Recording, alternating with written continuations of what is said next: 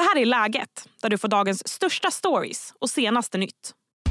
Idag riktas världens ögon mot Sochi där Rysslands president Putin träffar Turkiets motsvarighet Erdogan. Mötet handlar om att få tillbaka Putin till det viktiga spannmålsavtalet. Det här för att undvika en global livsmedelskris och höga priser i matbutikerna. I dagens avsnitt ska vi också rikta blickarna mot amerikanska Nevada där det råder lerkaos på den kändistäta festivalen Burning Man. Som vanligt får du även de allra senaste nyheterna. Jag heter Sally Sjöberg. Med mig nu har jag Expressens utrikesreporter Mats Larsson. Hej Mats. Hejsan hejsan. Hur viktigt är det här mötet som hålls idag? Ja, det är viktigt. Och ska någon lyckas övertala Vladimir Putin att återansluta Ryssland till det här spannmålsavtalet så är det väl eh, Turkiets president Erdogan. Det var också Erdogan som förhandlade fram det här avtalet som alltså slöts i eh, juli i fjol och som då ledde till att Ukraina kunde börja exportera spannmål via sina eh, hamnstäder vid eh, Svarta havskusten.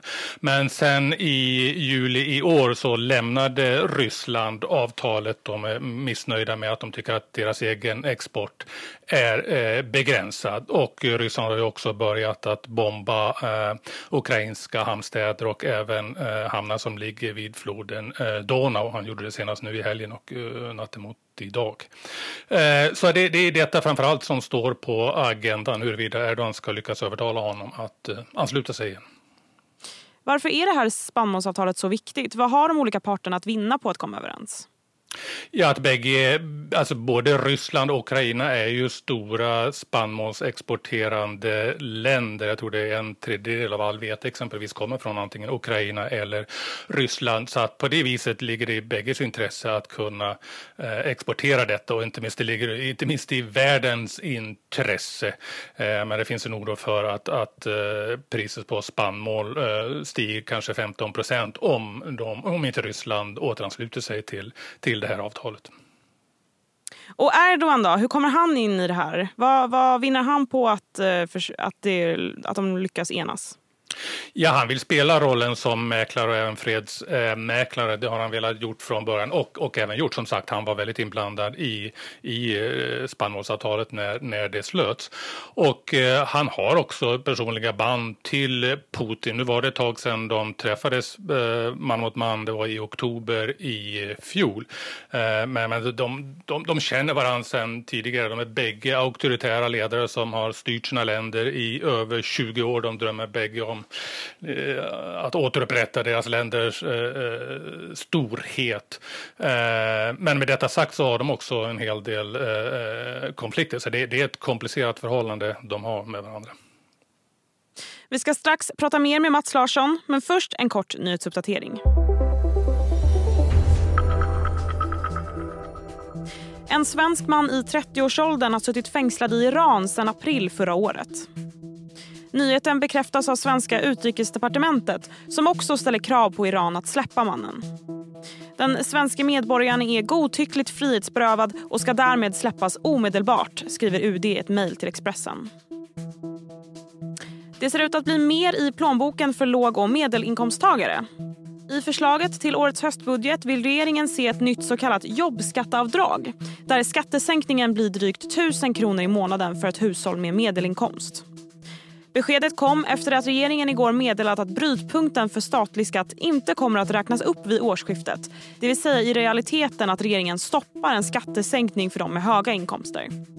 Regeringens beslut har mött kritik från högerhåll, bland annat från det moderata ungdomsförbundets ordförande Douglas Thor som kallar det citat rent av dålig politik.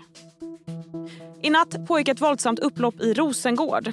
Ett stort antal bilar sattes i brand och sten kastades mot polisen. Det här bara timmar efter att det varit upplopp kring en koranbränning på Värnhemstorget i Malmö. Så här kommenterar statsminister Ulf Kristersson upploppen. Och det jag vill säga om detta är att oavsett vilken orsak som ligger bakom de här upploppen, bilbränderna, trakasserierna, våld mot poliser.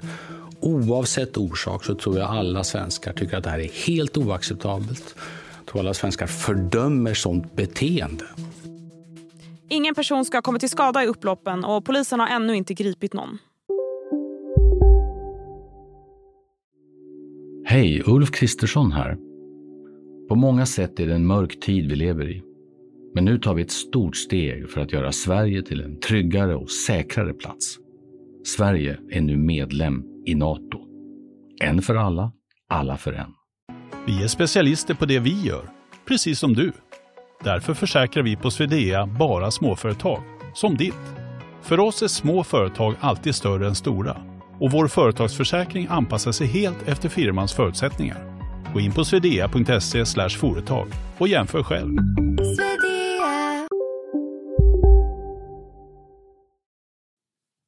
Nu tillbaka till Mats. Vad finns det för indikationer på hur det här mötet kommer att gå? Ja, det är, det är, svårt att, det är svårt att säga. FNs eh, generalsekreterare har skickat eh, ett förslag, gjorde han i torsdags, Guterres, eh, som man hoppas att Ryssland ska godkänna. Signalerna från Ryssland är inte så goda, så att osvuret är definitivt bäst hur det här mötet kommer att sluta om, om vi lyckas övertala Ryssland att återansluta sig till, till avtalet. Och kriget i Ukraina då, är det en eh, trolig punkt på agendan på något sätt? Ja, oerhört. Jag menar, det, det sätter ju definitivt sin prägel på eh, relationen. Eh, eh, den har försämrats något på sistone mellan Putin och Erdogan eftersom Erdogan träffade Zelensky och i juli tror jag det var så överlämnade han fem stycken ukrainska befälhavare som Ryssland hade utlämnat till Turkiet mot löfte att de skulle sitta där till kriget var slut. Det struntade Erdogan i och eh, lät dem återvända hem till Ukraina. Det var inte populärt eh, för, eh, för Putin Putin såklart. Och vi har också sett hur, jag menar Putins, eller Erdogan var ju emot i början att, att Finland skulle bli NATO-medlem. Han släppte igenom dem och han lovade ju faktiskt även vid NATO-toppmötet i Vilnius att det turkiska parlamentet ska rösta igenom ett svenskt medlemskap i NATO. Även det är någonting som klart som, som eh, Putin egentligen är emot. Det låter ju som att eh, Erdogan försöker balansera relationen till väst och till Putin på ett sätt. Hur, hur, eh, hur ska man förstå det där? Nej, men det är exakt den balansgången han, han går, för han är också eh, delvis beroende av, av Ryssland. Eh, Turkiet importerar eh, gas från, från Ryssland, har fått hjälp med att bygga, eh, planerar att bygga ett kärnkraftverk, även det med rysk hjälp. Eh, Turkiet har inte infört sanktioner mot, eh, mot Ryssland till skillnad från, från egentligen alla andra eh, NATO-länder. Turkish Airlines till exempel flyger från, eh, från Istanbul till Moskva. Det kommer många ryska turister till Turkiet som ger dem eh, viktiga inkomster och de är välkomna till landet. Så att det är hela tiden en balansgång där för Erdogan mellan, mellan väst och, eh, och och eh, Ryssland och det ger honom också möjligheten att spela en, en viktig roll, vilket han då gör exempelvis idag vid mötet i Sochi. Vi får hålla koll på hur det går med mötet. Tack så mycket Mats. Tack, tack. Alldeles strax så ska vi prata om kaoset på festivalen Burning Man. Men först blir det fler nyheter. Miljöpartiet vill fortsatt ha två språkrör som leder partiet. Ungdomsförbundet Grön ungdom, Gröna studenter och andra tunga företrädare inom partiet har uttalat sig för att gå över till ett språkrör för att kunna nå ut bättre med MPs budskap. Men partistyrelsen sätter nu ner foten. Vi vill ha ett fortsatt delat ledarskap, säger ordföranden Markus Friberg.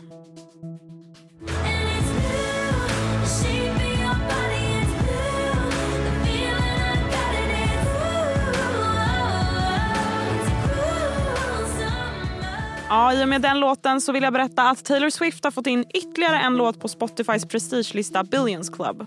En lista där man samlar låtar som fått mer än en miljard lyssningar på musikplattformen. Det är hennes Cruel Summer som gått över miljarden. Sen tidigare har Swift låten Anti-Hero på samma lista. Totalt finns nästan 500 låtar på Billions Club-listan och inkluderar bland annat Abbas Dancing Queen och Michael Jacksons Billie Jean.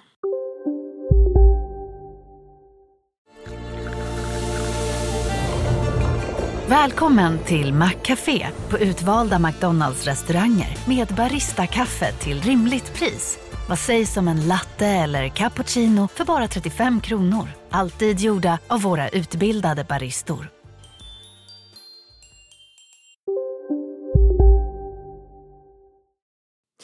Och nu riktar vi blickarna mot USA. I've opted not to wear garbage bags I've also opted not to go barefoot like some of the, the youthful strength of our group.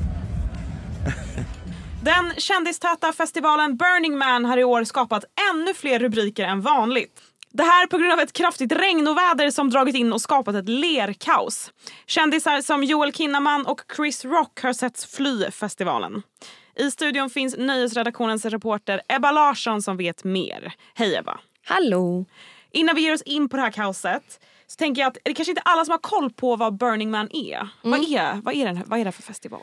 Jo, men det här är en väldigt speciell festival. Det är inte så festival som man kanske tänker på eh, direkt med liksom en line-up och, och, musik och hej och Utan det här är en, en kulturfestival med rötter i, inom amerikansk alternativrörelse. Och Det är helt enkelt så att den här hålls mitt ute i öknen i Nevada och man bygger upp en temporär stad som kallas för Black Rock City.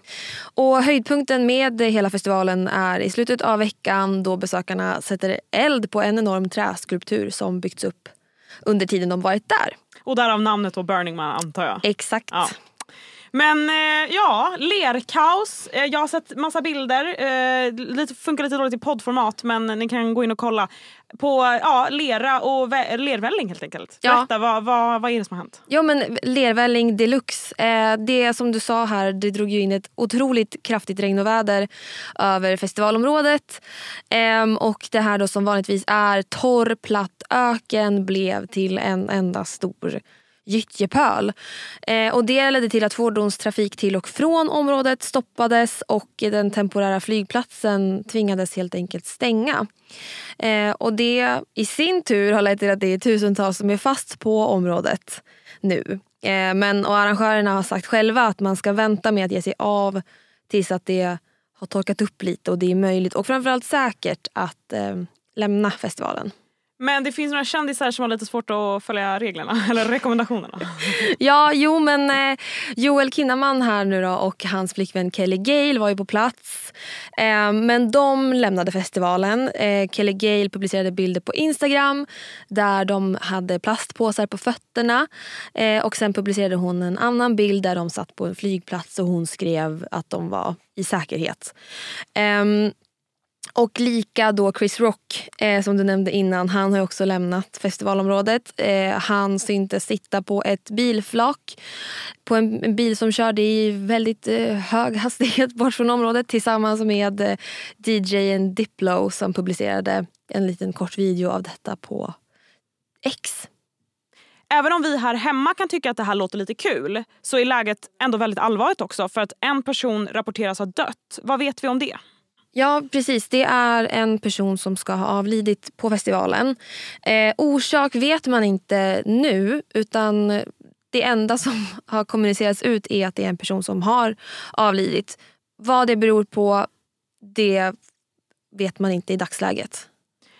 Något som jag såg flimra förbi dock är ett rykte om, om vad som kanske kan ha hänt med den här personen eller vad som har hänt på festivalen överlag om ett sjukdomsutbrott. Mm. Berätta mer om det. Ja, det har ju uppstått rykten i samband med allt det här väderkaoset också att det ska ha blivit ett ebolautbrott på festivalen. Eh, det delades fejkade eh, skärmdumpar från den amerikanska motsvarigheten till Folkhälsomyndigheten på X där man då, där det då stod, stod att det var någon som hade insjuknat i ebola på festivalen. Men det finns inga bevis som säger att det här stämmer. Eh, och Det är också en läkare som har uttalat sig till Business Insider som har sagt att det inte är särskilt troligt att det är ett riktigt ebola-utbrott på festivalen. Men däremot så säger han också att det finns risk för att andra sjukdomar kan spridas bland besökarna. Eh, framförallt om de blir fast på området länge och tillgången till mat och vatten minskar. De är ju ändå trots allt mitt ute i öknen. Eh, och Det är då framförallt corona och eh, matförgiftning som den här läkaren har höjt ett varningens finger för. Ja, 70 000 personer kan det vara som är fast där. Vi får hoppas att det går bra för dem. Tack så mycket Ebba. Tack, tack. Det var allt för idag. Glöm inte att prenumerera på läget och skriv gärna en kommentar om vad du tycker om podden också. Jag är tillbaka imorgon igen. Tack för att du har lyssnat.